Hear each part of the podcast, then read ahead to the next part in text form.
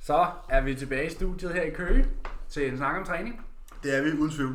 Og i dag har vi øh, endnu en gæst med. Ja, det vi er spytter jo, ugens- vi spytter jo gæster ud øh, lige for tiden. Det er ugens ekstra episode. Det er det. Og i dag har vi Emily med.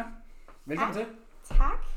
Jamen, øh, Vi skal, jo- vi skal høre lidt om Emily i dag. Ja. Og vi har en masse, vi har en masse ting at snakke om. Vi har en Ja, vi har masse rigtig mange spørgsmål øh, til dig, men først skal vi høre lidt om, hvem, hvem Emily er, hvor Emily kommer fra. Mm. Og øh, ja, fortæl. Jamen, øh, jeg hedder Emily, og som der er nogen, der tror, så hedder jeg Emily Thea. Det er blot mit mellemnavn, men øh, det er det, jeg går under inde på Instagram. Og øh, jeg kommer oprindeligt sådan lidt forskelligt, øh, men bor i Brøndby Øster. Er det er lidt, ja. det er der, jeg har boet i længst tid, så, øh, så der kan man sige, hvis man skal finde et sted, hvor man oprindeligt er frem, så er det nok der. Ja. Men jeg kan også godt lyde lidt øh, jysk, fordi jeg har boet i et godt stykke tid oppe i øh, Høng, hvis der er nogen, der ved, hvad det er, så det er oppe omkring Kalundborg, Slagelse. Øhm, så hvis Det jeg slukker for det ikke der... Ja, det hedder Kalderborg. Nej, men det er sådan, Ah, ja, okay, lige okay. præcis. Så hvis jeg slukker for artikulationen, så kan jeg godt gå hen og lyde som en fra landet. ja, det kan jeg godt høre. Det kommer meget hurtigt over, hvis jeg bare slapper fuldstændig af. Ja. Men det er der, vi være med i dag, ikke? så er jeg øh, 21 år, og en dejlig 98 år. Ja, så det, øh, det kan jo sine ting et eller andet sted. Mm. Folk på Tinder tror jeg er 22, men det er en tastefejl. Okay. Jamen, øh, hvad med træning og sådan noget? Hvor kommer du fra? Du har haft en baggrund i andre sport. Nu, øh, vi ved jo alle sammen godt, du er bikini fitness nu. Men øh, hvor startede hele sporten for dig? Jamen, øh, jeg har siden jeg var lille været elite springgymnast, Ja. ja. hvor at der, der er jo noget god muskelmasse bygget derfra, Mhm. mm-hmm. ind i sporten i fitnessverdenen. Men øh, udover det, så har jeg gået til dans, blandt andet zumba og hiphop, Ja. noget øh, moderne dans og en lille bitte smule ballet, men det hoppede jeg hurtigt fra. Øh, fordi så... Der kunne du altså bygge et par gode læg Ja, på ballet. det er Ja. ikke dårligt. Det er Ej, ikke dårligt. det er bare isometrisk hold. Ej, men til gengæld så har jeg fået nogle, øh, nogle gode baller og baglov af de, alle de spring, jeg har lavet på gulvet. det må man sige. Ja. Så det har i hvert fald øh, gainet sin del. Og dansen har vel også givet en del i forhold til poseringer, kunne man forestille sig. Ja, fordi du ud, altså udvider din, din smidighedshorisont, hvis man kan kalde det det. Altså du, øhm, du laver jo nogle ting, som hver evig eneste gang, du skal opvarme, så er det jo at, at varme ledene op på en Mm. helt anden måde, end du gør, når du skal op og træne. Altså jeg ved ikke, hvor mange gange jeg glemmer at strække ud før og efter træning, hvilket jo er super, super dumt. Det gør jeg heller ikke. Nej. Jeg tænker på, hvor, hvor, øh, nu har du dyrket alt det her sport og sådan ting. Hvor, hvordan kom du fra alt sporten til så at dyrke den her sport? Altså, hvad var ligesom sådan øh, overgangen fra For springgymnast. ja, springgymnast til og dans og alt det til her bikini fitness. til ja, Ja. træning eller bodybuilding, som det så er? Jamen, øh, da jeg, øh, hvad hedder det, åh, oh, hvornår var det? Det var tilbage i, i 13, 2013, tror jeg. Der, øh, det skal lige siges, at det, der, der er sket noget før, det der har været med til at, at gøre det øh, til, en, til en værre øh, konstant ting. Men da jeg øh, gik til springgymnastik, så øh, skulle vi øh, til at forberede et, et show, og øh, jeg lander på, øh, på nakken første gang på et år. Og der bliver jeg hentet i ambulance og fuldstændig bevidstløs, og får at vide, at nu skal jeg til at passe på. Så sker det anden gang på et år. Uh. Øhm, og for at vide igen, at nu skal du altså seriøst passe på, det er anden gang på et år, at du er bevidstløs, og vi kan ikke komme i kontakt med dig, og øh, det skader altså dit hoved, og det vil vi gerne passe på. Øhm, og så var det tredje gang på et år.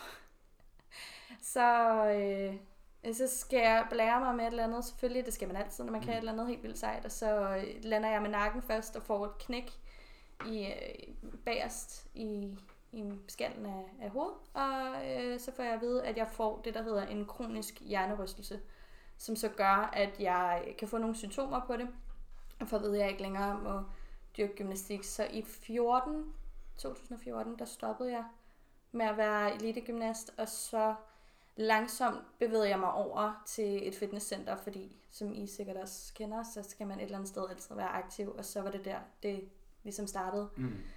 Og efter jeg kom ind i verdenen, det der med at løfte tungt og sådan noget, man skal lige finde sit fodfæste og være et sted inde i det her fitnesscenter. Folk kigger mærkeligt på en, og jeg kan huske, at der var tit og ofte, hvor hvis man havde det forkert på, eller et eller andet, så kunne folk blive sådan lidt mærkelige omkring, hvordan man gik klædt dengang. Var det meget provokerende at rende rundt i sports på. Ja, i 2014. Ja, Ja. det var ikke Det var godt. dengang fitnessrådet sådan, var, var relativt nyt. Ja, der måtte man ingenting. Nej, Nej, det må man virkelig ikke. Men må det var godt. stadig. Nej, nej, nej. Der er grænser, der bliver sat i hvert fald. Men der kan jeg bare huske, at der øh, var det der, hvor jeg lige skulle finde et sted at være. Øhm, og da jeg lige så stille havde fundet ud af, hvem jeg sådan var inde i, i alt det her som en begyndelse, så øh, kom interessen egentlig, tror jeg, for... Øh, jeg ved ikke, om I ved, hvem det er, men, men Laurelie, som er en øh, bikini fitness pro-atlet. Ja, det var en, du begyndte at følge. Ja. ja. Og siden jeg begyndte at følge Og hende, så tænkte, øh, hun ser godt ud. og hun så rigtig godt ud. Og sådan vil jeg se ud. Var det sådan, det startede? Jeg ved ikke, om jeg havde... Øh, Et lille crush? Jo, ja, et eller andet sted. Det tror jeg. Men der var i hvert fald den her performance, som man fik lavet. Altså den her øh, kombination af at udvise så meget selvtillid og selvsikkerhed på en scene, og samtidig at vise sin krop frem på en helt anden, naturlig måde, faldt mig, så, altså, faldt mig bare ind. At Ja. det var det, jeg skulle. Det at Der være var bikini feminin. fitness også ret nyt, var det ikke? Jo, det var meget nyt. Hvornår startede det? Var det i 11 eller sådan noget? Det har i hvert fald været om, deromkring. Ja. Ja, 11-12 stykker, tror jeg, de første bikini shows var der, og der var det altså langt fra, hvad vi ser i dag. Ja, så er det jo det, man som nogle gange kunne komme til at se Herning. ja, det var, det, var, det var de gode dengang. Men, øh, men ja, det fangede din opmærksomhed, og så, øh, hvad ændrede sig så for dig? Hvad tænker du på i forhold Jamen, til du, Fra den du, gang. fra, fra du gik fra at du bare træne fitness, til du sagde, at nu vil jeg se sådan ud. Hvad for nogle skridt tog du så? Jamen, jeg begyndte lige så stille, og jeg tror, jeg begyndte at researche rigtig meget. Mm-hmm. Øhm, jeg mener, at man skal tage sit øh, individuelle valg om, hvor meget man vil lægge i den her sport. Øhm, og det skal man, fordi enten så gør man det her for at vise, at man kan noget mere med, med sin krop, og så bare gøre det som en indgangsting.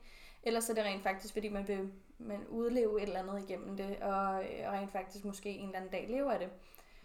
Men dengang, der, der kom det af, og jeg se de her piger, hun var bare den første, jeg fulgte, og så Mm. fulgte hendes øh, gang op til, øh, til sine shows, og så fulgte man nogle flere, og det var bare et, et helt andet syn, man fik på det. Ja. Så du ændrede, ændrede ikke noget? Jo, altså jeg, jeg kontaktede jo nogle forskellige coaches dengang, kan jeg Ja, ja, huske, okay. og begyndte at snakke med nogen om det. Og det var Sådan, allerede i det var en del. 2014, så var det 16 Åh oh, nej, nej, nej, nej. Øh, ej, jeg begyndte først øhm, 16 at kontakte. Ja. Men fra 14 til 16 begyndte jeg jo at træne med noget mere øh, stu- altså struktureret. Struktur, ja, det blev lidt mere seriøst. ja, det gjorde det. Ja. Fordi det var jo lidt lalt. Man gik lige op og forsøgte med nogle ting, og man skulle lige som sagt finde et fodfæste, og det var det, jeg brugte de to år på. ja. Som jeg følte heller ikke bare, man kunne springe fra det ene til det andet. Hvis man lige kom ind, mærkede fitness efter, og så sagde, okay, øh, nu vil jeg det her. Der, man skulle lige have noget tid og lige Altså, det var ikke, at du begyndte at træne, og så året efter, der skulle du stille op Nej, overhovedet ikke. Så du, øh, du, hvad kan man sige, du træner ikke for at stille op, men du stiller op, fordi du træner. Ja, lige ja. præcis. Og det er jo en kæmpe... Det er jo, det er jo noget, vi har snakket Det er om før har her på podcasten. Og du, nu sagde du så fint før øh, det her med, at der er nogen, der stiller op bare for at gøre det en gang, og for ligesom, hvad kan man sige, at få lidt hård hud på hænderne og, og prøve det. Og det er jo måske der, hvor man kan sige, de, de træner så for at stille op. Det er jo, Hvor det er jo du ligesom, er- man måske melder sig til Robinson. Ja, og det skal man jo ikke tage noget fra. Det er jo fair nok, Nej, at, man gør, at man gør tingene for at gøre det her en gang, for at prøve det her ekstremt, fordi ligesom det er en man, ekstrem sport. Ligesom man, at man måske træner sig op til et maraton, fordi det er til sådan en, Ja. hvad kan man sige, en bucket list. Men du løber ikke 10 maraton, du løber 1 Nej. maraton. Ja. Og det er jo så, hvad det er. Og du er jo så i den anden båd, kan man sige, ligesom mig og Emil er, øh, hvor man jo kan, måske kan betegnes som... At du ligesom øh, først fandt kærligheden for træning, Ja, og det så bevægede sig over i en passion. ja. Fuldstændig. Og nu sagde du det der med at finde, øh, finde fodfæste. Og nu kan, ved vi jo, at du har været hos mange øh, forskellige coaches. Ja. Og, og senest og nuværende coach er jo øh, min, øh, min, min medvært, kan man sige. Så måske du kunne, du kunne snakke om, selvfølgelig nævner vi jo ikke nogen navn, men du kunne snakke om, sådan, øh, hvad du har oplevet af forskellige tilgange og øh, tendenser hos det, måske den mere almindelige danske coach, frem for det her high, høj intensitet og lav volumen. Og, øh, Mange hviledage. mange hviledage og meget, meget fokus på progressive overload og progressive eating og sådan Og noget. holde tingene meget mere konstant kontra det her med tilfældig træning og til, hvad Ja. kan man sige, tilfældig spisning med de her ugenlige refeeds, jeg ved, du havde før og sådan noget. Altså forskellen fra, som Emil sagde, hvordan, Vi gør det på. hvordan vi gør det på, og hvordan andre gør det på.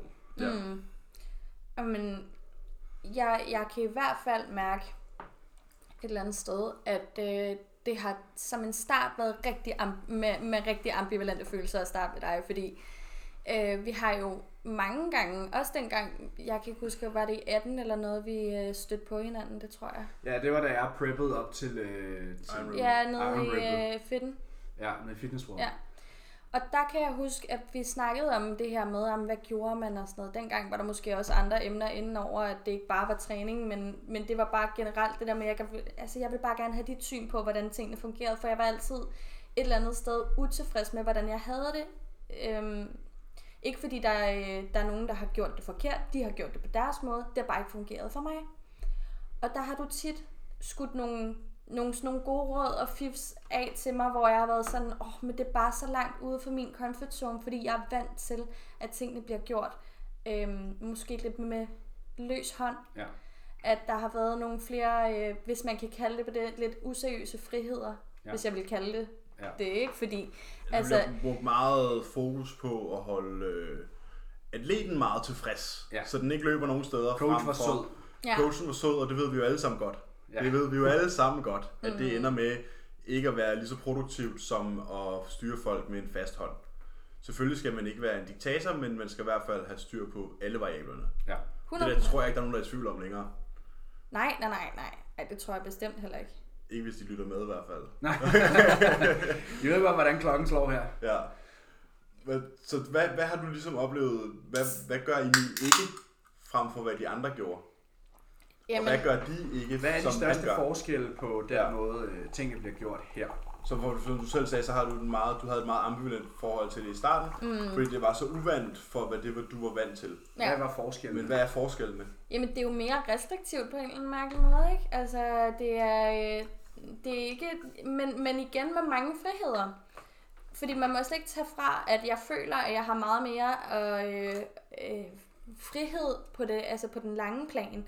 Der er meget mere sådan noget smør, for eksempel. Den, den har vi lige stået og snakket om. Mm. Jeg er kæmpe fan. Kæmpe Messi-fan. Jeg kan ikke forklare, hvor meget jeg elsker smør. Det er overraskende, at jeg kan finde ud af at håndtere det, når jeg får lov til at spise det. Øhm, især på krydderboller, siger det bare, smager sindssygt godt. øhm, men, øh, men der ved jeg i hvert fald bare, at jeg har førhen fået at vide, at jeg skulle beherske mig med smør og olie, at det ikke var en ting, jeg rent faktisk måtte bruge. Jeg skulle altså så vidt som muligt forsøge at koge mine ting, eller stege i ovnen uden nogen form for fedtstof. Og det er jo en ting, som jeg føler er en frihed her, hvor at Nutella er en daglig del af min, mine ting, så længe jeg kan finde ud af at beherske mig. Det er det der med at være konsistent på den måde. At, Ja. Jeg kan huske, da Kroppen du, startede, da du startede hos mig, og der for eksempel stod øh, olivenolie på et måltid, så troede Emily, det var, at hun skulle stå og veje det, hun stegte det i. Ja.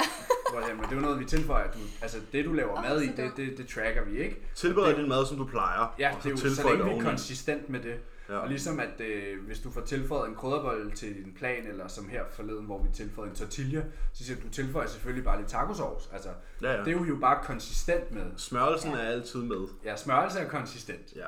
Ligesom med ketchup og sådan noget.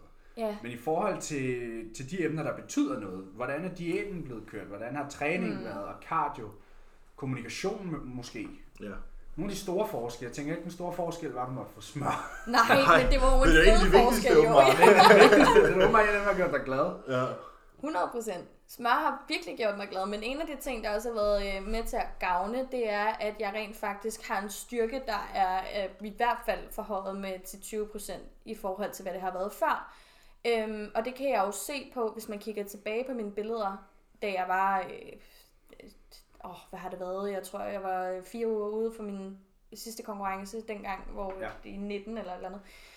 Øhm, og der, øh, der havde jeg jo faktisk bare, som jeg selv ser det, en, øh, en lavere, og selvfølgelig en lavere fedtprocent, end hvad jeg har nu. Til gengæld så havde jeg ikke særlig meget muskelmasse, kontra hvad jeg har nu. Og, øh, og der kan jeg jo mærke det her med at lave progressive overload, og øh, virkelig bare sørge for at få skrevet sine ting ned. Så jeg hele tiden kan informere for eksempel Emil omkring, okay, prøv lige at se her, jeg kan faktisk løfte så så meget her, fordi jeg tager den til failure hver gang. Mm. Øh, og det har jo været med til at holde på min muskelmasse og fordoble den, hvis ikke mere. Ikke? Ja, for øge muskelmassen. Fuldstændig. Så Det er jo der, så voldsomt. Du, så fordi det, du lavede før, var jo, hvad vi ville kalde tilfældig træning. Det, er Og det ved vi jo godt, ja. det giver... Og der er ikke noget tilfældig træning her. Det var jo også meget det der med, kan jeg huske selv, at jeg fik at vide, at du har jo styr på det, så hvis du har lyst, så kan du bare tage en øvelse eller to ind.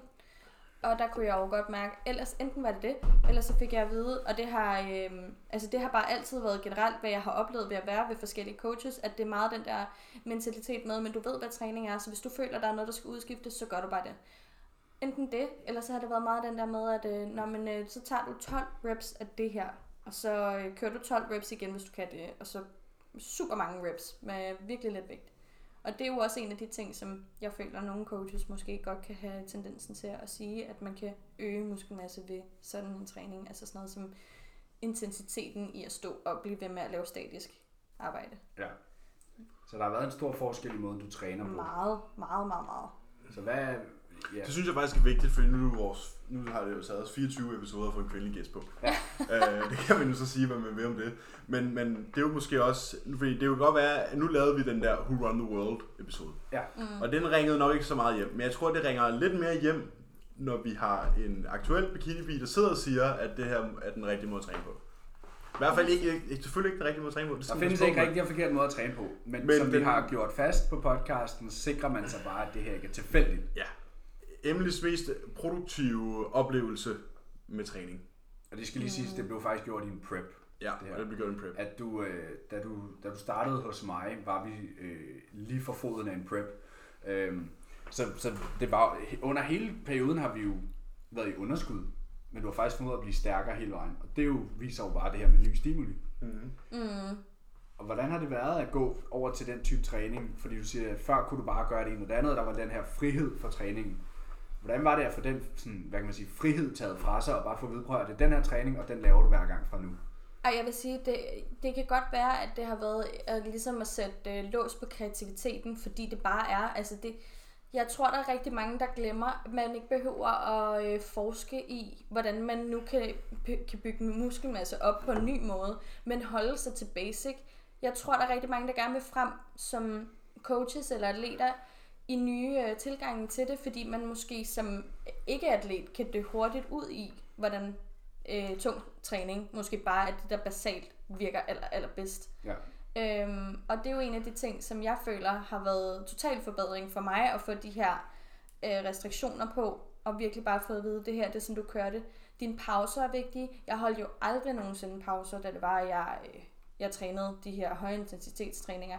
Så var det jo bare, om, altså, løft så mange reps du kan, og så øh, med den vægt, du lige kan, og øh, indtil du ikke kan mere.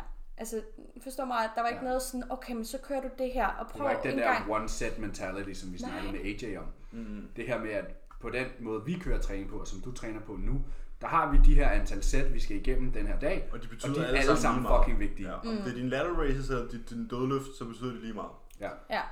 Så kan jeg jo godt mærke, at der er altså, typisk forskel på at køre lateral races, eksempelvis øh, med, med høj vægt og doble den hver gang, eller hvad man nu skal, altså lave øh, progressive overload, fordi det bare er en, altså en anden muskel for mig, så skal jeg passe rigtig meget på med for meget vægt der, for eksempel. Så jeg øh, kører meget mere sådan, altså kontrolleret så i min indtil failure, som det jo selvfølgelig altid er. Jamen, som vi snakker om, at progressive overload ikke nødvendigvis kun at putte mere vægt på. Det kan også være formen og tempoet. At, Ja, at forbedre sin form, eller at gå efter flere reps, eller Mm. mm. bruge langsommere tempo, det er jo også progressive overload. Ja. Og det er ikke, altså, det skal bare lige siges, det er ikke for at sidde og, øh, og hakke ned på nogen, der øh, nødvendigvis har coachet mig på intet tidspunkt. Absolut ikke. Nej, selvfølgelig ikke, selvfølgelig ikke. Det er, øh, det er bare lige vigtigt, at jeg får udtalt mig omkring det, fordi jeg føler, at jeg bare lige har fundet min vej med det her. Med min. Mm. Og det er ikke, øhm, ja, det, der, der er ikke, for mig er der ikke nogen grund til at sidde og skyde folk ned for deres måde at gøre tingene på, men nu har jeg bare fundet min. Ja, vi tager jo ikke, men som så vanligt, så tager vi jo ikke noget fra nogen her. Nej. Vi prøver i hvert fald at lade være. Øh, og jeg synes, det lyder... Jeg er glad for, at, at I har det som coach og atlet, har så godt et samarbejde. Og det er, jo, det er jo rart at høre, at du har fundet det sted, hvor du ligesom føler dig tilpas. Hmm. Og man kan jo sige, det ved man jo kun, hvis man har været flere steder. Og der, altså, du ved ikke, om, om du kan lide maden, før du har smagt på den. Nej. Og lige præcis maden, der ved jeg, der havde vi, øh, der var, der var en omvæltning, der Mm. startede her i, hvad kan man sige, på, på, på Team Robot. Ja. Hvordan havde det med det? Det her med, du var vant til de her cheat meals og, og refeeds og det ene og det andet. Det var jo en af de ting, jeg havde det allermest ambivalent med, fordi jeg kunne jo godt som udgangspunkt, at jeg er jo et fornuftigt menneske, så jeg kunne godt se fornuften i, at man skal ikke fylde på kroppen, når den i forvejen er fyldt, som du altid forklarede mig. Mm. Og der var tider, hvor jeg blev spurgt sådan, ej, men er du ikke i for god form allerede nu? Piker du ikke for tidligt? Og folk havde rigtig travlt med at spørge ind til, hvorfor jeg ikke fik lov til at få refeed. Og det var jo fordi, altså, også mig selv, altså man trigger jo, folk trigger hinanden, man kan ikke lade være med at blande sig i ting, og det er jo klart, fordi det er sådan sporten er. Altså Ja. man, uanset hvad, om det så er ens øh, nærmeste eller overhovedet ikke, så har man en tendens til at skulle vide, hvordan tingene fungerer åbenbart. Ja. Så, øh, så der kunne jeg godt mærke, at ikke bare folks øh, kommentarer til det, men også bare min egen idé om, hvad det var, og hvad det gavnede at få refeeds, eller cheats, som der er nogen, der kalder det. Øhm, men jeg synes nødvendigvis ikke, at det var en dårlig ting. Jeg kunne da godt nogle gange savne nogle flere ris, fordi ja, det var jeg ret glad for.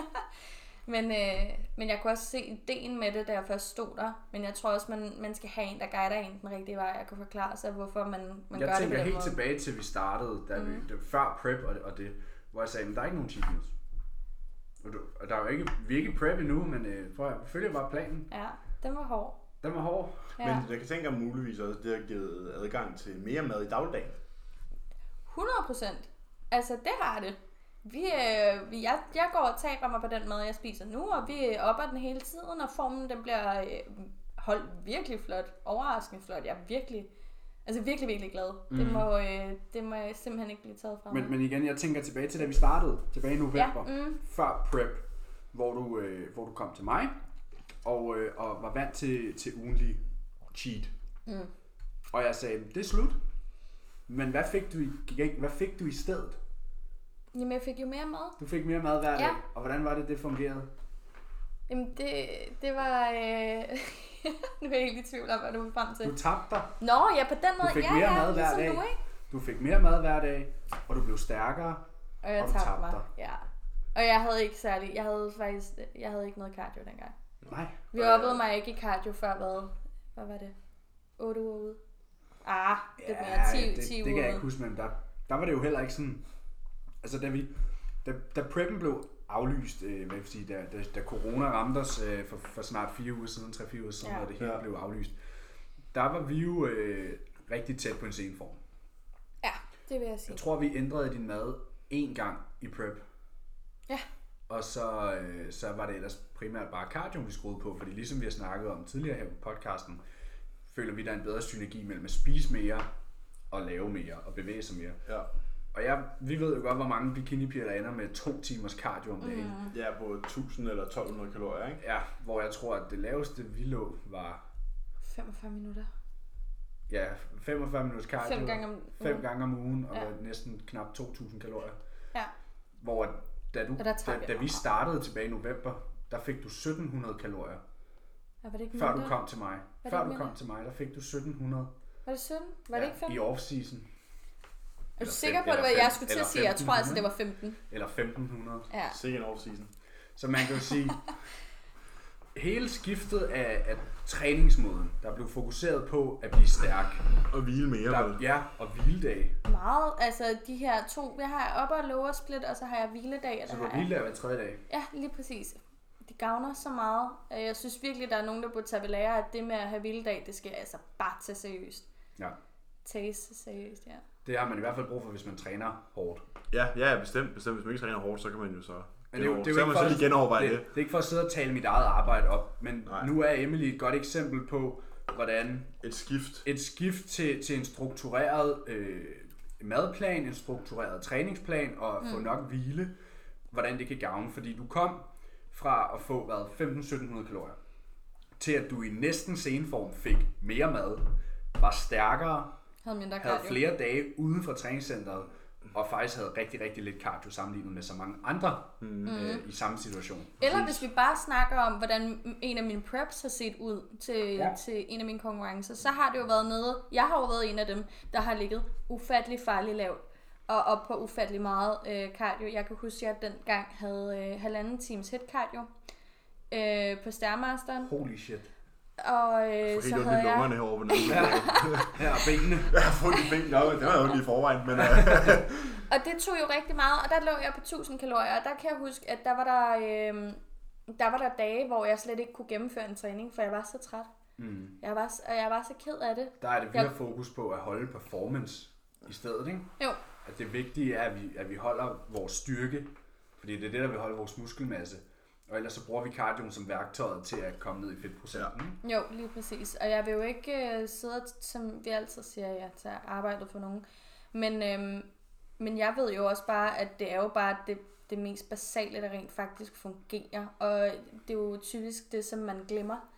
ja. øh, synes jeg selv, hvad jeg ser rigtig meget, det der med, når jeg hører om, hvad folk de laver, eller hvad de bliver i gåseøjne, nu laver jeg lige sådan nogle kaninøjne, udsat for, ikke? Mm. Fordi øh, Det er der helt klart. Det, Ja. det er Og bare ærgerligt. ja, men jeg tror måske også mere, det har du så også oplevet selv, at, at den ligger meget i det der med, at det der er fancy, det er det, der sælger. Ja, Øh, fordi ja. Der, folk jo synes jo, at det her, vi laver, det er, hvad kan man sige, på papiret er kedeligt, ikke? Ja, det er ikke meget Hvis jeg, sender, hvis jeg sender et træningsprogram over til en, der skal have en træning med, og siger, det er det her, vi kører i dag, og så er folk sådan der, "Åh, det ser da kedeligt ud.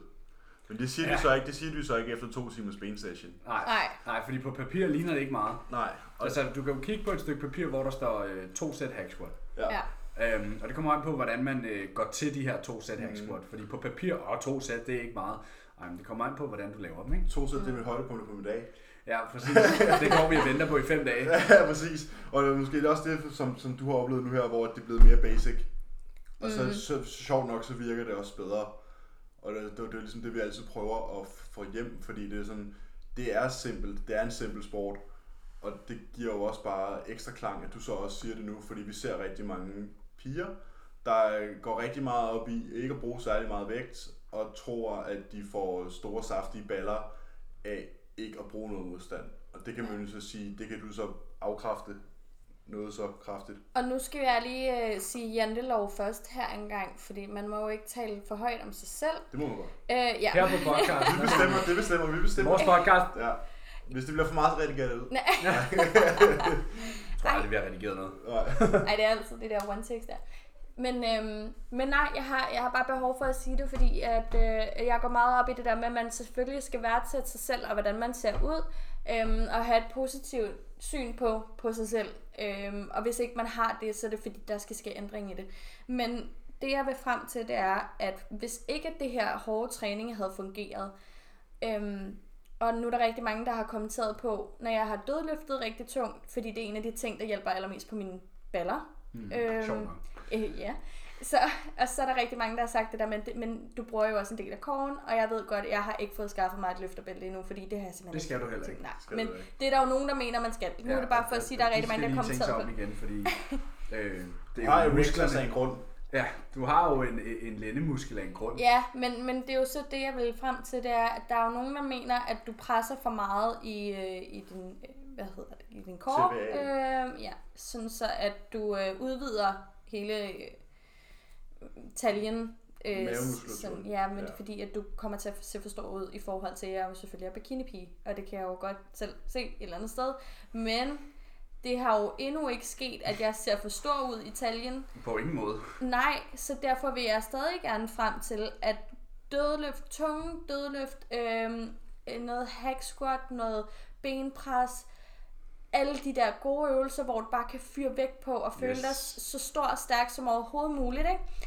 Kør nu bare med det, piger. Fordi de der kickbacks, Amen, jeg bruger det som enten en opvarmning eller en afslutning, for at være sikker på, at jeg vidderligt ikke har mere at give af. Det er, det er krymlen, og det er efter Det er du har bagt muffin og puttet glasur på, så det er krymlen ovenpå. Det er lige før, det faktisk er sådan der, den tallerken, du serverer det på. ja. Ja, Det er der, så langt hen er vi. ja. Der er bare en grund til, at, øh, og igen, fucking jantelov, at jeg har de baller og baglov og de ben, jeg har, og det er der en grund til, Det er at fordi, det er du altid trækker det, der over bliver, 100 kilo for reps flere gange om ugen. Og det er derfor, girls, live for, øh, ikke curls, men øh, for dødløft, eller generelt tungløft, ikke? Tung vægte. Tungvægte. Ballen er jo den største muskel, vi har i kroppen. Den skal have kærlighed. Den skal have modstand. Den, øh, den kommer ikke vok- til at vokse af at, øh, af at, at skubbe øh, sommerfugle. Nej. Øh, eller, eller lyserøde håndvægte. Nej, nej, nej. Eller- Ej, nu har jeg altså øh, lyserød hånd, Thomas derhjemme, ikke? Nej, Tommens meditativ er. Åh, men jeg har rigtig god kontakt. Ja.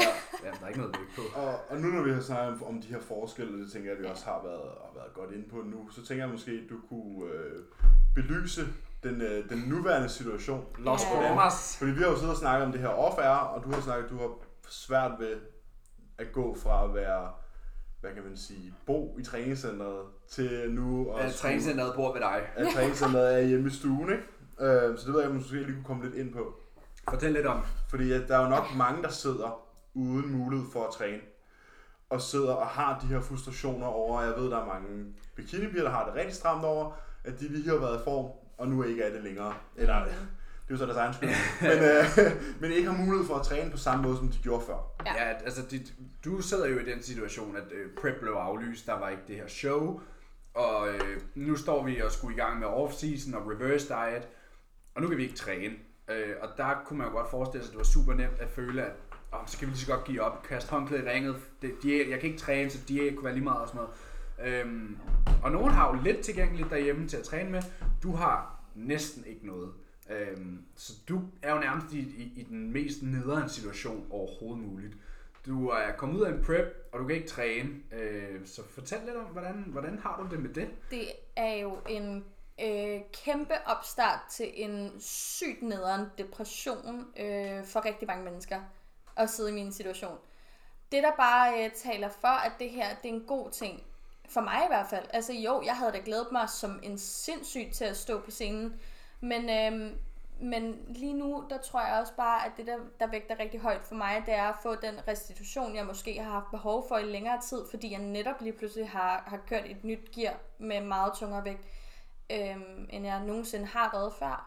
Så det at kunne slappe af hver dag og få øh, en regelmæssig søvn og ligesom have noget, øh, det er jo også en af de ting, der styrker os som, Det er noget, vi faktisk har rigtig meget fokus på i prep. jamen det er det, ja. At få din søvn øh, struktureret. Stabiliseret, ja. Lige præcis, og det hjælper utrolig meget lige i øjeblikket. Jeg jo også godt se det, at en del af den væske, der har samlet sig i min krop over det sidste lange, lange stykke tid, det er sluppet. Mm. Øhm, til gengæld, så vil jeg jo også sige, at jeg bliver syg i hovedet, ligesom alle andre mennesker. Øh, fordi man går jo derhjemme. Ja. Og jeg har ikke, jeg har hverken pengene til det. Jeg ved ikke, om der er nogen, der er klar over det herinde, men jeg har jo ikke mit eget sted at bo lige i øjeblikket. Så jeg bor øh, halvt ved min søster og halvt ved min far. Og det er jo en sådan lidt travel guide, man lige skal have med der. Fuldstændig rodet. Ja. Og jeg kan jo ikke bare komme hjem og så sige, at jeg lige købt for, øh, for 14.000 udstyr, Der der, kommer skal sådan en stå, kæmpe maskinfar. den skal stå i din øh, urtehave, fordi du er jo kok, og det har du brug for, kan jeg mærke på det hele. Du skal i form. Ja. Men jeg lavede en anden ting, og det var, at jeg øh, fik mig endelig en motionscykel. Bedste investering nogensinde. Mm, jeg det kan, kan jeg skrive under på. Jamen, det sådan kan en er guld værd.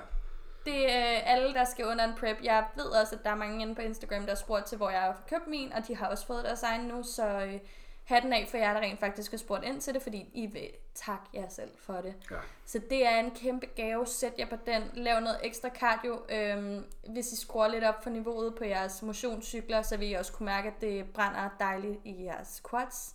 Lad os håbe på, at det på et eller andet tidspunkt vil kunne bygge et eller andet. Øhm, man kan lave nogle intense hit-intervaller Ja, på det kan man i hvert intervaltræning. fald, ja. Ja, hvis Så man ikke ikke har fordi- noget tilgængeligt i hvert fald, så Nej, kan du godt træne. Jeg kan huske, at Ben Pekulski, han havde en gang en prep op til Arnold Classic. Jeg tror faktisk, det var den Arnold Classic, han blev nummer to. Hvor han havde en, en knæskade, der gjorde, at han ikke kunne træne ben.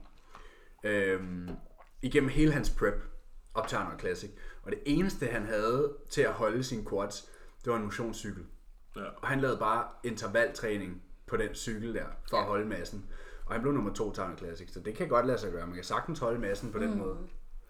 Fordi for mig, så kan det jo også være utroligt demotiverende at stå og se ens fellow uh, competitors stå og lave træninger i et eller andet private gym, de har fundet et eller andet sted ude på en mark, eller øh, de har lige forældrene, der kan spæde lidt til, fordi de alle sammen går op i træning. Jeg kommer altså fra en familie, der har, jeg har en, en førtidspensionist som mor, der ikke har mulighed for at træne hverken altså en andet end at køre på sin cykel, når hun skal ned og handle. Mm. Så har jeg en far, der er, der er kok, er køkkenchef, Han har aldrig nogensinde rørt en vægt i sit liv. Og den ene vægt, han havde, den har jeg snuppet, og den er altså ikke særlig tung. hvilket er super nederen. Så jeg har altså i alt en vægt fra farmand på øh, 7-8 kilo, tror jeg den er. Jeg ved ikke, hvor langt det er.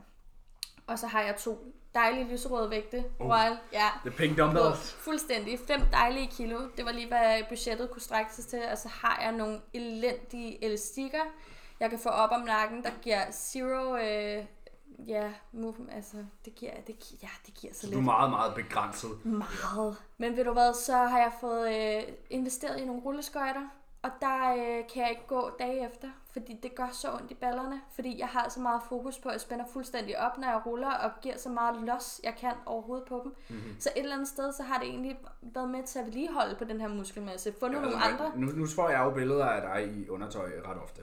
Og øh, Uden det skal lyde forkert. uden det lyder forkert. Siger det bare, Kåre. Øh, men jamen, Karo er med på den. Hun ved godt, hvad der foregår. Og, øh, og Hun ser dem sikkert også. Ja, det er jo motivation. Ej, øhm, der er jo ikke sket noget dårligt med formen. Du er ikke fladet ud på nogen måde eller noget. Det er jo et, et, et virkelig godt eksempel på, at godt være det her er noget fucking lort, og det er super nederen, men you gotta make it work with what you got, ikke? Sådan der. Du har meget begrænset. Du har en, en 5 kilos håndvægt og en eller anden vægt fra din far og nogle elastikker. Og motionscykel. Ja, ja, så er det, men, men det er jo ikke rigtig sådan styrketræning. Åh oh, nej, okay, det er rigtigt Men- nok. Og, og rulleskøjter og sådan noget, you make it work with what you got, ikke? Hvordan har hovedet det med det? Åh, oh, det har været... Du snakkede lidt om det ja. overfærd, det her med det der med at switch on og sådan, nu er det træning, men det foregår lige foran fjernsynet i stuen. Og... Ja, jeg tror, det er det, der er vigtigt, for det er den situation, rigtig mange sidder i. Ja, Den er jo mega, mega svær. Altså, øh, jeg har forsøgt, jeg kan jo ikke stå og lave progressive overload på samme måde, som jeg kan nede i gymmet, når jeg står og skal løfte tungt. Men så kan jeg i det mindste sætte mål for mig selv hver dag, og det er med til at holde min øh, motivation oppe, og øh, få noget nyt intensitet. Og så må jeg træne på en ny måde og bane en vej derfra. Og det har jeg jo været med til selv at skabe, fordi man har jo kun de midler. Jeg kan jo ikke sige til dig, øh, Boral, at øh, ej, jeg har kun det her. Lav mig et træningsprogram ud for det, fordi så, altså, det, for, for, altså, det fungerer ikke for mig. Jeg ved ikke hvorfor. Øh, jeg nej. skal, så jeg skal bane min igen- egen vej et eller andet igen, sted. det du gør virker. Jamen, det, det synes jeg selv. Jeg har jo et godt pump i mine skuldre. Det er jo nogenlunde den vægt, jeg plejer at køre overkropstræning med. Så ikke vi snakker om, at min ryg nok bliver en lille bitte smule downsized her i den her tid. Ja, og det, Det har jo aldrig gjort noget. ikke noget. Øh, Nej, ikke lige Og så ved bikini. vi jo, at muscle memory, det, det også findes. Ja, og nu har jeg bare prøvet før, for nogle af jer, der måske ved det, så har jeg jo fået lavet bryster tilbage i år 2018. Og der havde jeg jo 8 uger, hvor jeg ikke trænede. Og der var det jo, at der skulle man jo komme igen, og jeg kan huske, at det, der er en eller anden, ikke lige så meget muscle memory lige nu, men der er jo i hvert fald en, en form for, øhm, altså jeg kan jo forstå, hvordan det er at stå i en situation, hvor man ikke kan træne i 8 uger. Nu er det bare under andre omstændigheder. Ja. Så dengang kunne jeg jo slet ikke gøre noget. Og det var over lang tid. Og jeg ved, at der er andre, der tager chancen at træne efter fire uger. Der er sikkert også mange, der, der går øh, derhjemme og lige nu overhovedet ikke overgår at træne. Men jeg synes også, at det er fair et eller andet sted. Øh, jeg ved, at det, det trækker helt vildt meget mit hoved at kunne gå derhjemme og ikke træne ordentligt. Men ja. samtidig så er det den her afslappning, der også går ind og... Det der med ikke at det orke, ikke? det er jo, det er jo bare mindset. Ikke? Ja, altså, mm. Enten er det vigtigt for en, eller også er det ikke.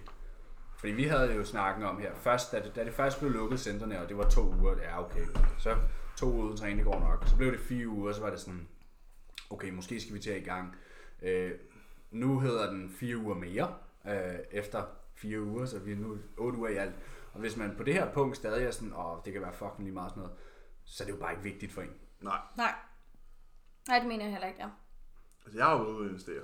Ja, men det er jeg også. Jeg har efterhånden brugt 2-3.000, ikke? Ja, jo, præcis. Hver gang der kommer et pressemøde, så kigger man lige på bankkontoen, okay, vi, Vi køber noget mere. vi køber noget mere. Ja. Så, øh, jamen, øh, når man så engang om, om, om 10, 20, det er jo ikke spild penge, fordi når man så engang om 10, 15, 20, 25 år skal åbne et træningscenter, så har man lidt. Ja. Mm, er. Ja, så har man lige over til hjørnet. Ja, Så man har klapper man det i øh, hvert fald. reserveudstyret, når alt er Ja, taget. præ- præcis. Når alle stængerne er taget. Om jeg har den der over fra corona. Mm. Coronastangen. Men Altså- jamen, der er nogle af dem, der, øh, der, som du selv siger, man kan jo investere. Jeg kan ikke. Altså, jeg ville synes, at det ville være så uansvarligt øh, at skødesløse af mig og smide penge efter træningsudstyr, når jeg ikke engang har mit eget sted at være.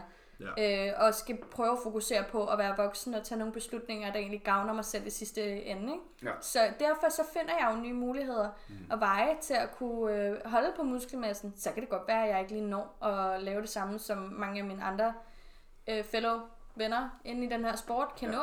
Er nogle Men, heldigere end øh, andre. Jamen det er det. Og, øh, og det er jo øh, rigtig ærgerligt, at jeg sidder med dårlig smag i munden, fordi jeg øh, bitcher lidt over det.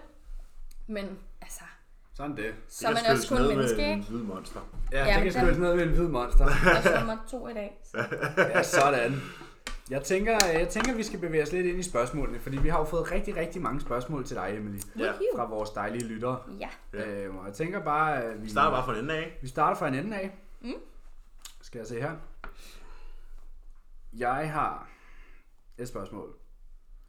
Spiller genetik en rolle i forhold til bikini fitness? 100 procent. Du kan være et øh, genetisk monster og bare øh, have lige præcis det, der skal være en X-frame for, øh, for din form.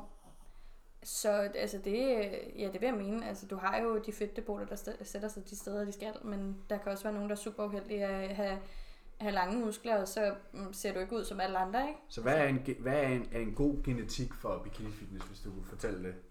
Øh, gode, øh, gode baglov og baller og øh, gode skuldre. Altså det, øh, nu, ja, nu er det jo inden for, øh, for, for min, øh, hvad kan man sige, der er jo øh, øh NPC, det er jo øh, IFBB Pro League, og så er der jo øh, IFBB Elite Pro.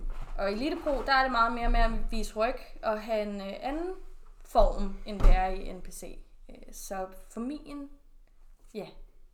Jo, men genetik er det- tænker jeg måske sådan øh, Ej, nu kommer jeg til brede, track. altså, øh, brede kravben eller øh, Nej, nej, nej, altså det er eller- jo... Det er jo Hvad 100, kigger man på? 100% skuldre og, og gode, gode ben. Så det er en X-frame. Ja, det, Det er jamen, en det er en X-frame. Det er det. Det er de brede skuldre og de store baller. Ja, ja. Som kommer af tunge vægte. Yes. sig det bare. Så har vi øh, et Lige, spørgsmål lige her. inden den næste her, skal vi lige nok. Øj, er der ASMR her? Skal vi lige 1, 3, 2, 1. Skål, Emil. Skål. Det er kunstpausen. Ja. Jamen, jeg har også gang i tre forskellige. Der er lidt øh, sukkerfri saftevand, så er der en Faxe Condi Free og en hvid monster, så er man altså godt Det er en kørende. helt Det er god godt. dag. I dag kører vi ikke Pepsi Max. Øh, der var lidt øh, forandring i luften i dag. Ja, vi, vi tog en vild Vi havde faktisk en Pepsi Max i hånden. Ja, vi tog en vild beslutning. Ja, du havde først. Okay. Først så havde øh, Boral en Harbo Cola Zero i hånden, og så kiggede Jamen, jeg jeg har på fundet en god Det måde er at jeg spare meget penge glad på. for. Og så kiggede jeg på ham og sagde, det skal vi ikke have. Og så stod vi og kiggede på en Pepsi Max. Og så kiggede vi på en Faxe Kondi Free ramme, og så tænkte vi, den skal vi have. Og så tænkte vi forandring fodre. Ja, for vi manglede, vi mangler en podcast ramme herhjemme. Ja. Nu har vi en hjemme hos mig. Fordi Faxe Free er øh, fantastisk. Ja, udmærket. Især med sødmøde i. Ja, jamen vi er blevet faste forbrugere af sødmiddel. Ja. Det stod vi lidt af. Næste spørgsmål. Ja, det, er, det var forresten Lærke. Øh, nu vil jeg prøve at udtale hendes navn. Undskyld Lærke, hvis jeg siger forkert. Lærke Ragnarkel, der havde stillet sidste spørgsmål. Hun har spørget igen. Hvor lang tid gik der fra tanken om bikini fitness til det var virkelighed? Øh, jamen, øh, fire år. Fire år. Øh, nej, vent, nej, det er løgn, det jeg sidder og siger. Nej, jo, 14, ja. Begyndte hvad, 15, der begyndte jeg at tænke over det. Tre år, Tre år. tre år. Første konkurrence i første gang, 18. Til du stillede op første gang. Hvordan gik første gang på scenen? egentlig? Åh, oh, det er mega sjovt, fordi første gang var til uh, Iron Rebel ude på Refsaløen i, uh, på Amager. Ja. Og uh, hvad hedder det? Uh, der gik jeg fra, det var alt, altså, det, jeg vil lige sige det sådan her. Nogen kan komme op første gang, og så få, få så en førsteplads. Øhm, og have det mega fedt over det. Jeg havde det så optur over at gå fra en femteplads, hvor der var, jeg tror der var fem i min klasse, til at gå til en fjerdeplads, og det var i øh, Novice, det her, øh, en fjerdeplads, hvor at jeg øh, så spurgte om forbedringer. Der var lige en lille pause imellem ind til Pro Qualify, som først var om aftenen, og gik op og tog en tredjeplads i øh, Pro Qualify over nogen, der havde stået på scenen rigtig mange gange. Og det synes jeg var en federe øh, motivationsguide, og ligesom at ramme bunden først. Og så Ja. kunne mærke, at okay, men jeg bliver Du fik faktisk ikke drevet af. serveret på et sølvfad. Nej, men, men også bare mærke, det der faktisk driver mig, det er ikke at ramme toppen først, men det er det der med at være på bunden og bygge sig selv op. Der er noget at arbejde for. Lige præcis. Det Ja, er processen, 100%. vi elsker, ikke? Det er ikke Elsker det. resultaterne. Nej, Progression. Det er progressionen. Mm. Ja. Så har vi et spørgsmål fra Cecilia Jylov, der spørger, hvor lang tid har Emily trænet? Den sagde vi har været over. Ja, men det har vi. Ja, Men det det, er var så siden 14, ikke? Ja, der begyndte du at træne fitness, og der har jo så været noget... Ja. Og så 16 var så der, hvor jeg begyndte sådan rigtig at træne op. 17 var, hvor vi virkelig gik seriøst til det. har vi en masse spørgsmål fra, fra Karoline Bodum, der spørger, øh, hun har, hun har stillet mange spørgsmål, øhm, og det er gode spørgsmål. Mm. Hun spørger, øh, hvordan håndterer du at gå fra sceneform til off-season form? Men den varierer jo ikke specielt meget. Vi, øh, vi ligger lige øh, små 3-4, 3, 3 kilo op Lav, over. aller laveste vægt, vi ramte ja, i prep, var 52,0. kilo, ja. Og det var jo bare en dag, vi røg så langt ned. Ja. Gennemsnittet der før var jo de der mellem 53 og 52,5, ikke? Jo, Det var laveste vægt, og hvad ligger vi nu? 55? 56 nogle gange. 56, ja, det højeste. Så vi ligger jo lige de der sunde kilo over. Øhm, Ja. men, men jeg tror, hun mener mentalt. Og nu er du her, hvor vi mm. tager stik ting stille og roligt. Og vi langsomt øger maden, og vi kommer langsomt ud af hullet. Men før har du oplevet det her med, at, øh, at få, Binge. som vi også har oplevet, at, at få spist lidt for meget, lidt for hurtigt, og så forsvinder den der flotte form rigtig hurtigt. Og det var den flotte form, man har brugt så lang tid på at kæmpe for, man måske er meget følelsesmæssigt Forbundet til. forbundet til, og den forsvinder så, og det tror jeg jo så også er noget af det, som rigtig mange struggler med. Hvordan Ja. har du håndteret det førhen? Virkelig, virkelig Eller har du bare slet ikke håndteret det? Nej, nej. Ej, nej, nej. Jamen, øh, jeg, åh, det er også bare igen det der med, hvis jeg, nu snakker jeg fuldstændig på, hvordan jeg havde det øh, mentalt og, øh, og psykisk i forhold til det her mm. med min sidste prep. Øh, jeg havde det rigtig dårligt, men jeg var rigtig syg samtidig også. Øh, jeg føler, at jeg blev guidet i den forkerte retning, og ikke blev fuldt ordentligt ud af den her prep, og derfor så var min reverse rigtig, rigtig dårlig. Og der var det der, hvor bench eating var min bedste ven. Så Fantastisk. Øh, ja, rigtig dumt. Det er sådan en homie, der altid forstår dig. Ej, men det er simpelthen så dumt. Og jeg, jeg synes, nu er jeg nået til et punkt, hvor jeg synes, det er en lille bitte smule... Øhm, men jeg tror også, det er fordi, jeg har taget øh, sporten til mig på en anden måde, hvor jeg rigtig gerne vil øh, tage det professionelt, og har taget mig selv i hånden, samtidig med Emil har taget mig i den anden, ikke? Og, øhm, og der kan jeg bare mærke, at den her øh, støtte har ligesom gjort, at jeg er mentalt er forberedt på, hvordan det vil sige at komme ud på den anden side, og lade være med at bench i det. Ja. Øh, fordi jeg har den rigtige til ligesom at guide mig øh, vejen frem. Det er virkelig vigtigt, og det er virkelig vigtigt med en ordentlig kommunikation. Fordi sidste prep, der var jeg helt nede og ramme bunden. Og da Emil mødte mig, der var jeg faktisk altså sekundet for at droppe alting. Fordi jeg var så ødelagt. Ja, og det fik vi lavet om på. Det gjorde vi. Gudskelov. Ja, så jeg, jeg ved, hvad det vil sige, at det der med at være mentalt ødelagt af en prep, øh, komme ud på den anden side og virkelig opleve, hvordan man går fra at have den allerbedste form til at ødelægge den på øh, Ingen en tid. uge. Ja. Altså virkelig smadre sig selv og sin krop. Så øh, lyt til jeres coaches. Vi ved, hvad man er, der skal til. Det håber vi i hvert fald, de Jeg gør. håber i hvert fald, de skal. De gør. Yes. Øhm, får du ligesom alle andre løbet en masse her under lockdown? Jeg har løbet tre gange, og så fik jeg min motionscykelhjelm hjem, og min nye rulleskøjter, og så gjorde jeg alt det igen. Så løb er blevet udskiftet med rulleskøjt og cykel. Så Fuldstændig. der bliver dyrket cardio. Det gør ja, der. det gør der. Elsker det. Jeg synes, det er det bedste. Ja, du er glad for cardio. Jeg prøvede at tage din cardio fra dig lige først, da træningscenteret stadig havde åben. Øh, du ville gerne beholde den, så jeg fint, så fik du så mere mad i stedet. Men nu har jeg altså tvunget dig til at hive den ned. Ja. Øhm, hun spørger også, er du meget rigid med din kost, det vil sige sådan ubøjelig?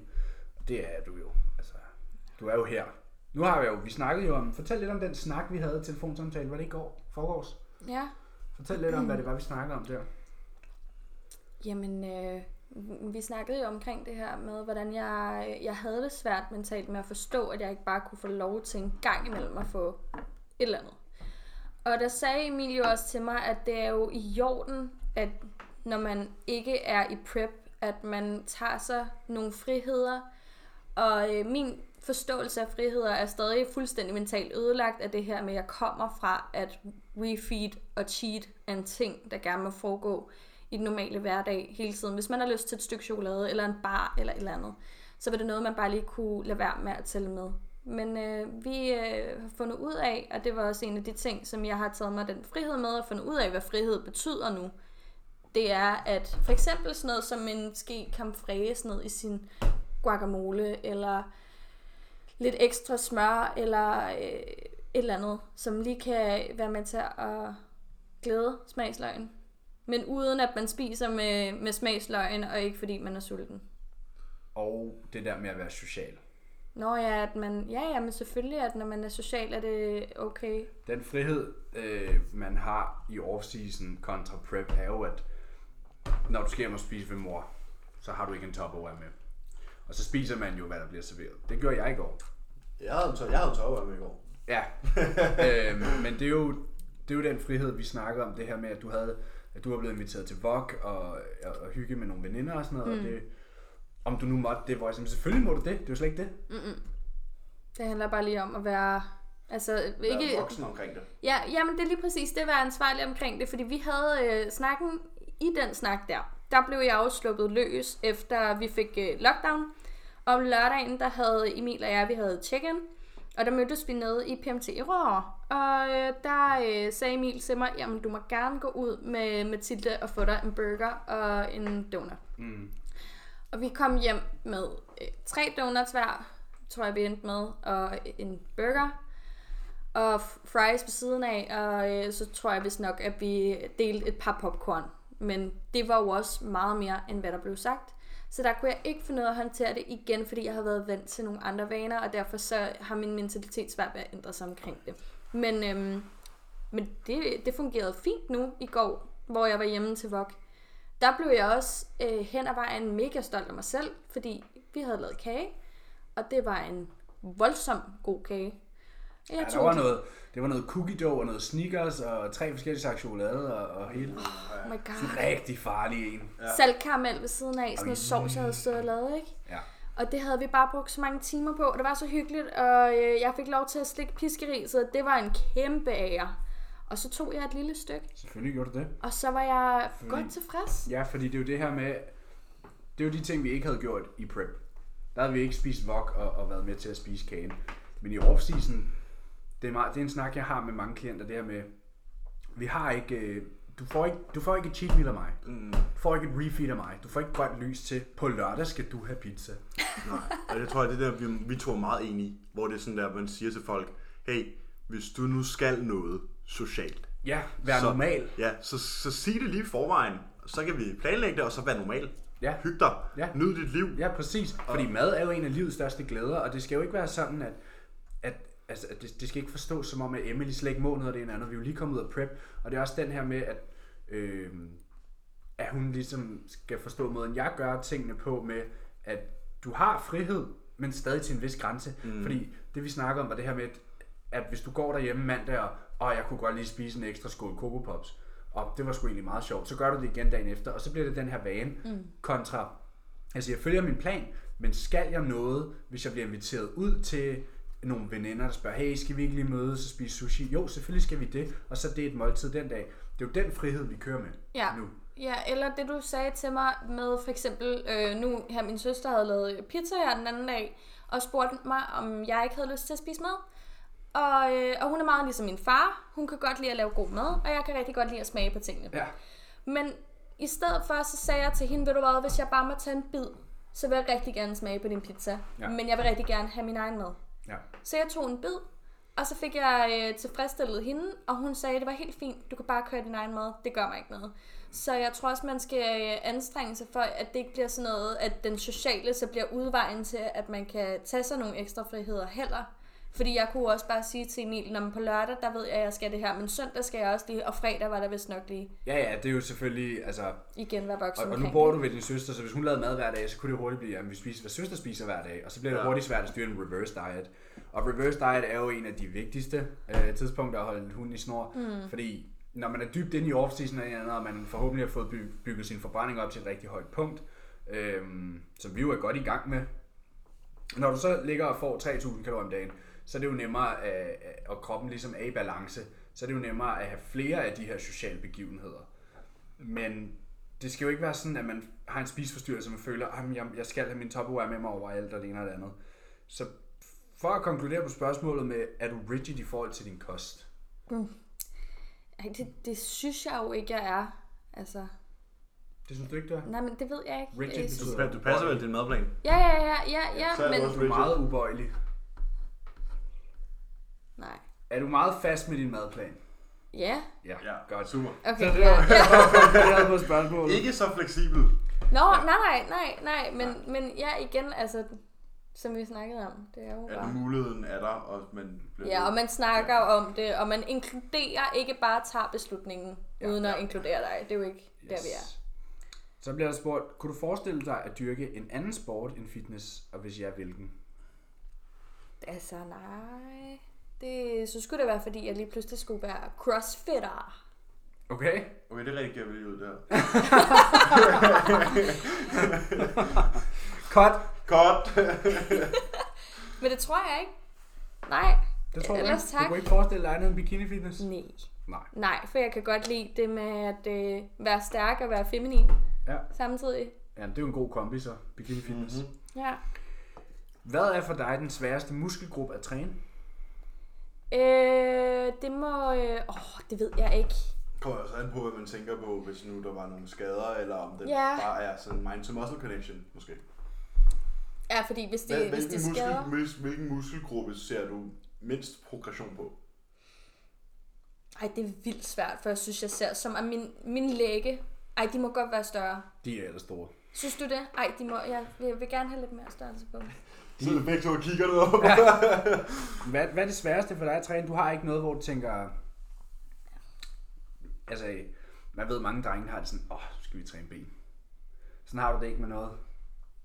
Og, oh, men altså, nogle dage, de der dødløft og hack squat, og, fordi jeg ved, hvor meget det kræver mentalt at skal gå ned og så sige til sig selv, du skal det der bare op. Ja. Og hvis jeg vågner, jeg har tit haft det med, at jeg skulle arbejde på nogle seriøse tidspunkter, øh, når jeg er blevet chef og sådan noget, så det er mega svært at gå ned og så bare være der klokken 6 om morgenen, når der ikke er nogen mennesker til lige at gå over og klappe dig på skulderen og sige, du kan sagtens, ikke? Du er lige vågnet, du har lige fået din pre eller din pre-meal, og så står du der og skal løfte 110-120 kilo, og så tænker man bare, øh. Så det synes jeg er svært. Det er svært. Det er mega svært. Men det er fedt bagefter. Ja, Ja, det er det. det ved jeg, for jeg har mange gange fået en video, og så, jeg fik den! så, øh, så det, var, det er det hårde. Det, det, det er måske det der med at switch on til de hårde løft. Mm, det synes jeg. Og ellers så med hensyn til skader, så har jeg noget med, øh, med skuldrene, de går hele tiden modsat retning af, hvad jeg vil. Ja. Så de, øh, de har det med at låse sig fast, og så kommer der skader, og så skal jeg forbi kokkefar, som alle jo ved, hvem er, og så... Øh, The Magic Hands. ja, men det er det virkelig. Jeg redder mig hver gang, men Ja, jeg er så også god til at smadre det igen. igen. Ja, Ja. oh, det bliver godt. Synes du selv, at du har været eller er forstyrret med hensyn til spisning og træning? Nej, kun når jeg har været syg. Altså sådan, fordi jeg blev jo syg efter min sidste prep der. Der fik jeg jo noget forstoppelse, og Ja. havde det jo svært ved at få mad ned, og, og det kom hurtigt op igen, fordi din, min krop havde svært ved at reagere på det, men jeg føler mig ikke spiseforstyrret sådan. Det har jeg heller ikke følt Ikke mere end os andre i hvert fald. Ikke mere end os andre. Nej. Det her med, at det er svært at finde balancen mellem, hvad er frihed og hvad er plan? Når jeg er på den måde, der kan man godt kalde det lidt forstyrret, jo. Ja, jeg, blev, jeg blev kaldt spiseforstyrret af min mor i går. Det gør jeg også i går. Det er ikke noget problem. Ja, men sådan er det. Så er det. Så sagde jeg jo, jo, men jeg vil være professionel bodybuilder, så. Sådan Så det. tager vi det med i bagagen. Ja. Jamie han Der sagde... kommer et liv efter. Der kommer et liv efter. ja. Så har vi et spørgsmål fra Rikke, Ga- Rikke Gammelby, der spørger, øh, har du tips til, hvordan du har håndteret veninder, der måske ikke har accepteret din livsstil? Fan. Åh, Nemt spørgsmål faktisk. mega fedt. Ja. Uden skraldespand. Ja, men jeg, altså, prøv at høre, hvis ikke de støtter det, du gør, så, så er det ikke en veninde. Altså, det kan du ikke kalde det. Det, det Svæsken på disken. Svisken på disken. Jamen, jeg har, øh, jeg har haft den der før, hvor at, øhm, den, der er nogle af dem, der, sådan, der fortæller dig, at de lige skal vende sig til, at, øh, at tingene er sådan her, og det må de forholde sig til. Ellers så kan du ikke have dem i dit liv. Øh, hvis ikke de kan støtte dig i noget, altså specielt det her, fordi det kræver så meget mentalt og- og fysisk af en, ikke? Hvis ikke de kan håndtere det, du gør, jamen så er de ikke en veninde. Ven eller veninde, altså det, det kan du simpelthen ikke kalde dem. Nej. Fordi det er uanset om det er sport eller noget. Ja, You do you. Ja. You Ja. do you, Rikke, og hvis dine veninder, de, øh, de ikke er enige, så, øh, Så så, er viser du, så sender du dem bare et billede af din booty om tre måneder, og siger fuck Lige ja. præcis. Det minder lidt om det Jordan han sagde på en af hans educational videoer forleden dag. Hvilket? At øh, det der med, hvordan dit øh, miljø kan påvirke din restitutionsevne. Ja. Og han sagde, at hvis din, hvis din kæreste er hjemme og røver If she's a pain in the ass, She's she's not your girlfriend. not your girlfriend. Og det er, jo, det er jo, kan man sige, det er jo lidt det samme her, ikke? Jeg sendte den sådan lidt, øh, det var kun for at drille, jeg sendte det, det klip til Karo og skrev, tror du, du er JP approved? det er hun, det er hun, don't worry, don't worry. Men ja, Rikke, øh, der ved jeg bare, at øh, der, der kan jeg faktisk give dig et rigtig godt råd. Så er det bare, at man tager fat i alle dem, der er inde i sporten, og skaber sig en, øh, en god flok veninder derinde. Jeg, Men- jeg ved i hvert fald, at jeg har nogen inden for livet. Altså.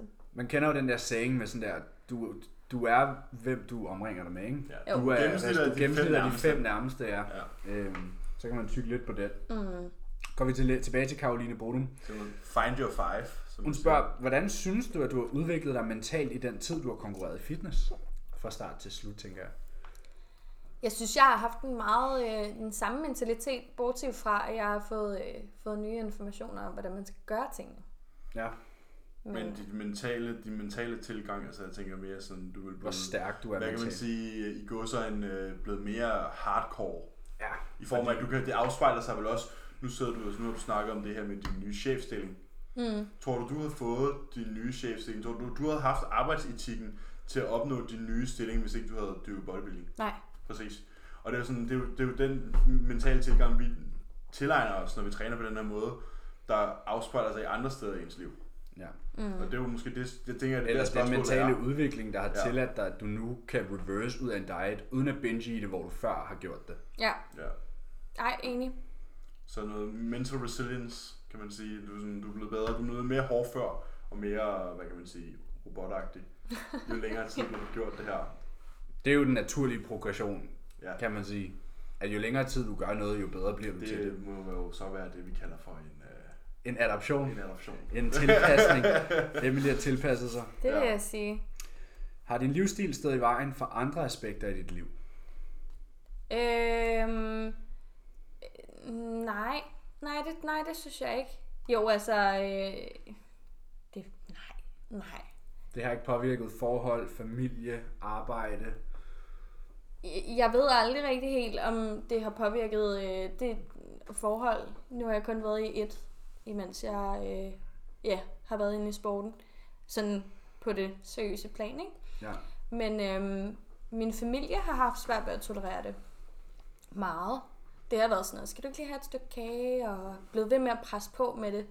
Men når det så har været, så har de jo også bare grint over, at min broccoli har lugtet i hele hytten. Fordi jeg elsker min broccoli. Det er slet Ja, ikke fordi, du. altså jeg bliver ikke tvunget til at sidde og spise. Det bliver ikke vejet af eller noget. Det er bare en, en realitet, at jeg skal have mine grøntsager. Øh, det er ikke noget, vi regner med.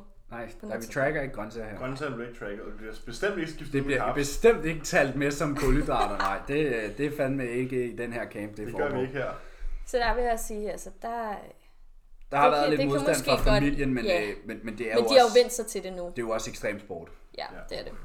Men, men så kan man sige, at altså, min storebror dykker MMA, øh, og har øh, også oplevet mange, altså det er jo også en ekstrem sport, ikke? Hmm.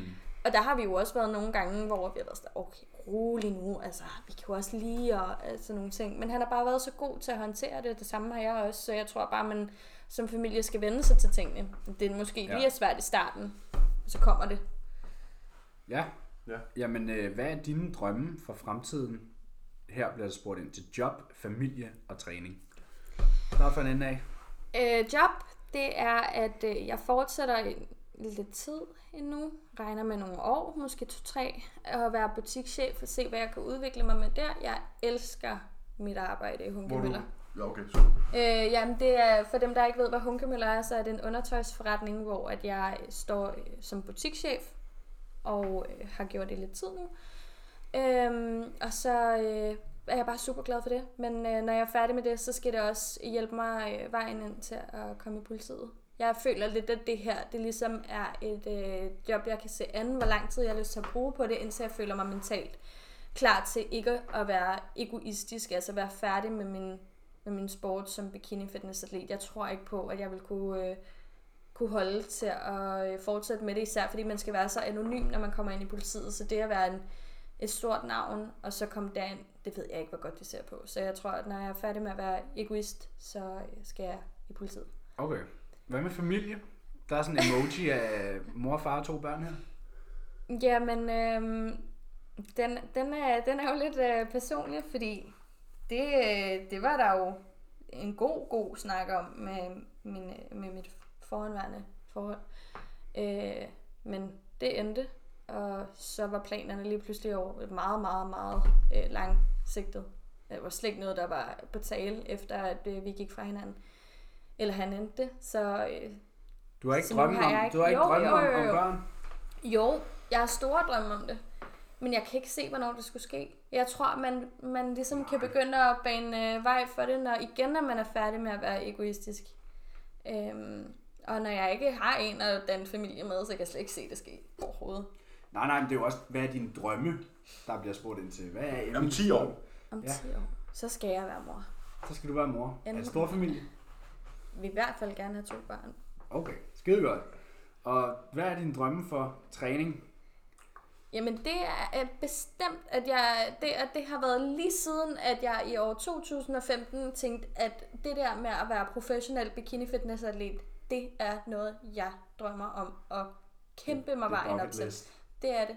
Og det har noget at gøre med, at jeg synes, at det er øh, selvfølgelig, at det er noget, jeg gerne vil udleve i mit liv. Men jeg ser det heller ikke bare som sådan et, et kryds i bogen. Jeg ser det også mere som, altså, at det er, øh, det er en ambition. Øhm, og noget, jeg, jeg vægter sindssygt højt at, øh, at kunne opnå. Øhm, ja. Så det, så det Så drømmen er pro-kartet. Der er ikke, Mm. der er ikke en drøm om... Jo, Olympia er jo også en drøm.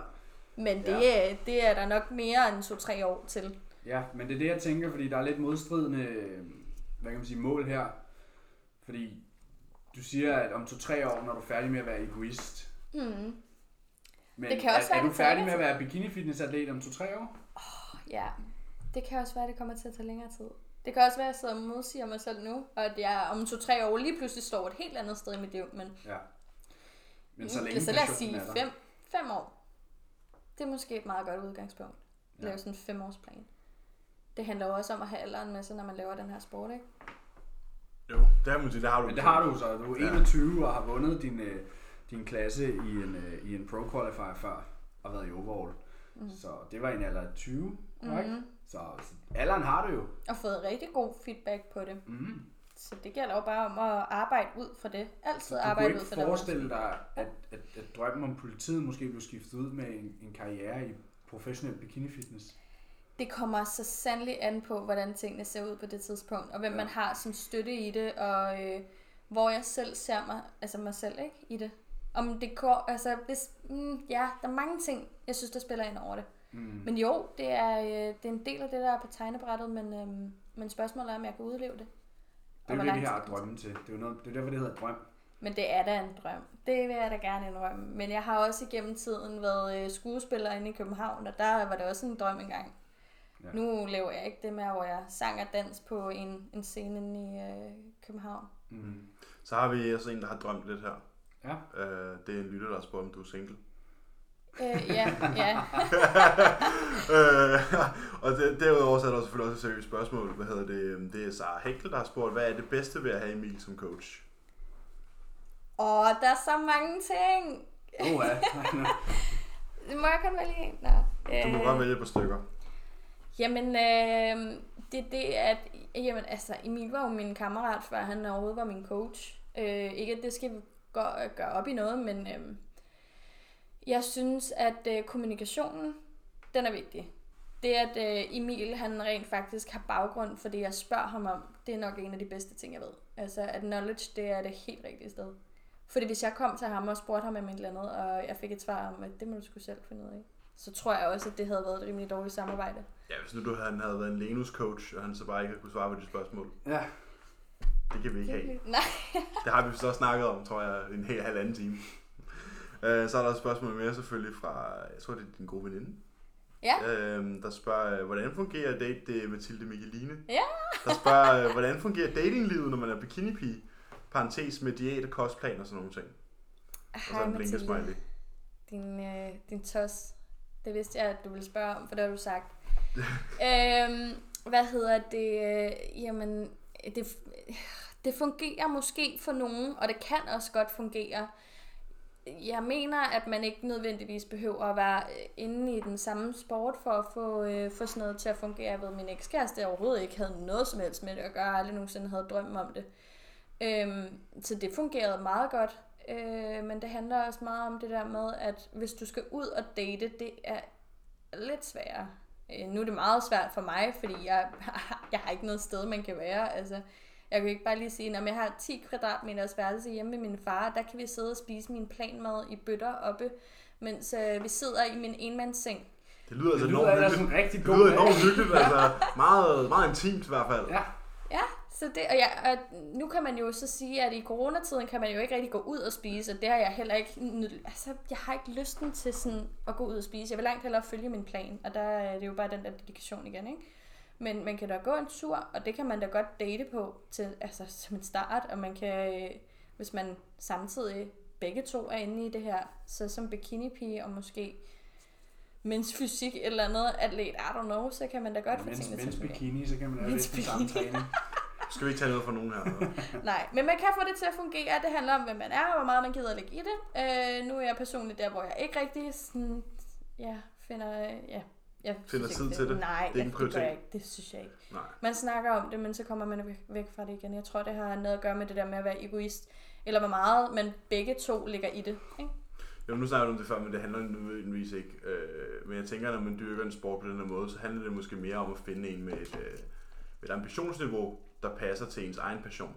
Ja. Og så kan det være bueskydning, eller det kan være petang, eller hvad det kan være, men med en, der matcher en, der har lige så travlt som sig selv. Ja, lige Der præcis. forstår. Der forstår, at man har en passion ved ja. siden af sit forhold. Ja. Lige præcis. Og det tror jeg er det, der virker for mange, der er meget, hvad kan man sige, egoistiske. At det er vigtigt at have en, der også har noget at være Det er, egoistisk omkring. det er vigtigt, at, Ja. at partneren forstår, hvor man hvorfor er. du måske er fjern, eller hvorfor du måske er travl. Eller hvorfor du står ude i køkkenet hver aften. Ja. Øh, hvorfor du ikke kommer direkte hjem efter arbejde. og Hvorfor du tager tidligt sted om morgenen og Mm. alle de her ting. Ja, det er rigtigt. Faktisk en meget god måde at se det på. Jeg tror faktisk, det var, øh, var slutningen på vores øh, lyttespørgsmål. Der var ikke den med... Nå jo, dog, der er en her, det er jo Karoline igen, der spørger, hvordan kan det være, at du fik lavet en BFO? Jeg husker, du postede om at hvile i sin krop i forhold til at have små bryster. Ja, men det har jeg også øh, gjort. Altså billede i mig selv med mine, med mine dejlige små bryster, der ikke rigtig fyldt noget. Men øh, jeg tror også, man, man vælger, hvordan man ser på det, og dengang så var det rigtig meget, altså det var rigtig vigtigt for mig at, at finde en glæde i, hvordan jeg så ud hele tiden. Men man kommer også bare til et punkt, hvor at man måske får et andet syn på sig selv, et mere vokset syn, så på et eller andet tidspunkt, der havnede jeg i en alder, hvor jeg kunne se, okay, jeg vokser bare ikke mere. Øh, jeg kan ikke, altså jeg, jeg kunne personligt ikke se noget kvindeligt i, hvordan jeg så ud på overkroppen, især når mine skuldre lige pludselig begyndte at tage størrelse, og øhm, jeg begyndte at få et mandligt udseende, hvis det giver mening, og jeg følte lidt af min femininitet og min kvindelighed, den forsvandt i og med, at mine bryster ikke var der. Man kan jo sige, kvindens bryster er jo, En stor del af det. er jo, er jo det feminine ved, ved en kvindelig overkrop, ikke? Mm. Jo. Så, så med dem manglende kan man jo godt forstå. Især når man som bikini-fitness atlet, Ja. ja. øh, havde du været øh, sådan, hvad kan man sige, en almindelig person, der ikke konkurrerede i bikini-fitness end andet. Kunne du nok have drevet fred med det. Ja, men eftersom, men, men eftersom man cutter ned til en, til en lav fedtprocent og sådan noget, og, og, så forsvinder de endnu mere. Jamen, det er det. Så kan jeg jo, jeg jo godt forstå det. Men jeg er glad og tilfreds og lykkelig over at have dem. Det er en bedste beslutning, jeg nogensinde har taget. Så øh, Man skal jo gøre, hvad der gør en glad. Man skal bare ikke gøre det for, for andres. skyld. nej, Og man skal ikke blive glad, fordi andre synes, man skal gøre noget. Nej, man skal, sy- man skal, Man skal finde sin egen glæde. ja, man skal, være, man 100%. skal bruge sine penge på det, der gør en selv glad. Ja. ja. Så selvom at træning gør mig glad, øh, udstyr kunne være en fed ting, så kommer jeg ikke til at bruge penge på. Nej, Ikke lige nu. Nej, det er jo Nej, så for du være mere Men så glad finder for man at få glæde. dit eget sted at bo. Er lige 100%, så finder man glæde i andre ting. Og det er ligesom det, der er hele udgangspunktet med det hele. Og alt det, jeg laver, det er hele tiden at finde en, øh, en glæde og noget positivitet i det, man laver. Så kan man jo have dårlige dage, men det vigtige er bare, at du kommer med oprejst panden ud af det igen, ikke? 100 procent. Mm. Ja. På den note, Der tror jeg, jeg vil lige bemærke, at jeg synes, det er vildt, at vi ikke har haft nogen tidspause. jeg er også ved at Ja, tisse jeg er også. Men det kan vi jo så gøre op for nu her. Jeg tror vist også, det er ved at være spisetid. Ja. Jeg tror, vi vil sige tak for i dag. Det har været en fornøjelse at have på, Tusind tak Emily. for det, Emily. Det Det er- var længe ventet. Ja, det har været øh, fedt. Ja, vi er glade for, jeg håber i hvert fald, at øh, lytterne kunne bruge til noget. Det Ja. håber jeg. Og den her episode kommer ud på onsdag. Ja.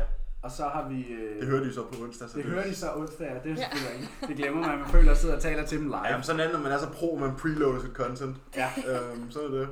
Vi siger tip, tip, trap, tak for i dag. Vi ses. Hej.